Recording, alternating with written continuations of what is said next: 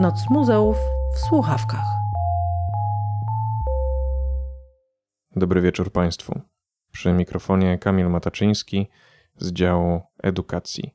Zapraszam na ostatnią już część naszego maratonu podcastów z okazji Nocy Muzeów. Dzisiejszy wieczór spędziliście Państwo w towarzystwie głosów moich koleżanek z działu oraz ich wspaniałych gości. Odwiedziliście ciekawe miejsca, odbyliście, e, odbyliście kilka podróży. E, I ja na zakończenie tego wieczoru chciałbym również Państwa w taką podróż zabrać. Podróż nietypową, bo będą prowadzić nas dźwięki, ale z zupełnie innego obszaru niż głos ludzki. Ale zanim to nastąpi, chciałem też Państwu bardzo podziękować za to, że jesteście z nami podczas tej niezwykłej nocy muzeów, mm, że wysłuchaliście niemal już do końca mm, tego, tego specjalnego odcinka etnonarracji.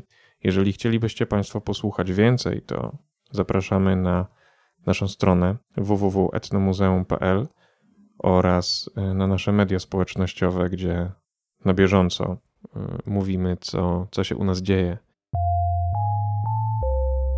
Na zakończenie tej nocy muzeów przygotowałem dla Państwa dwa nagrania terenowe. Y, zrealizowane one zostały poza naszym muzeum, ale inspiracją do ich wykonania stał się nasz park etnograficzny w Toruniu, który przecież prezentuje budownictwo wiejskie w centrum miasta. Środowisko dźwiękowe miasta i wsi jest zupełnie, zupełnie różne. I te dwa nagrania, które wykonałem, mm, one pokazują właśnie kontrast między światem człowieka a światem przyrody.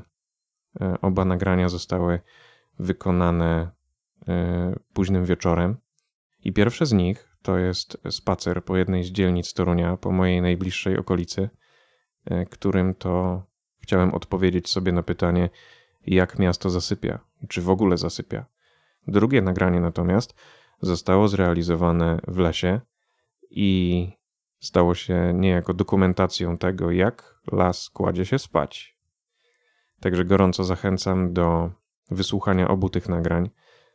One mniej więcej pokazują, jak niesamowite dźwiękowo rzeczy dzieją się wokół nas, a które nasze uszy kwalifikują najczęściej jako taki zbędny hałas, w ogóle ich nie, nie rejestrują.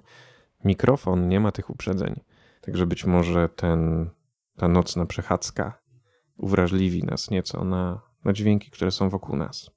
Na koniec jeszcze jedna prośba. Jeśli do tej pory słuchaliście Państwo naszych audycji przy pomocy głośników, to teraz proponuję nałożyć słuchawki, ułożyć się wygodnie, zamknąć oczy i słuchać. Dobranoc Państwu.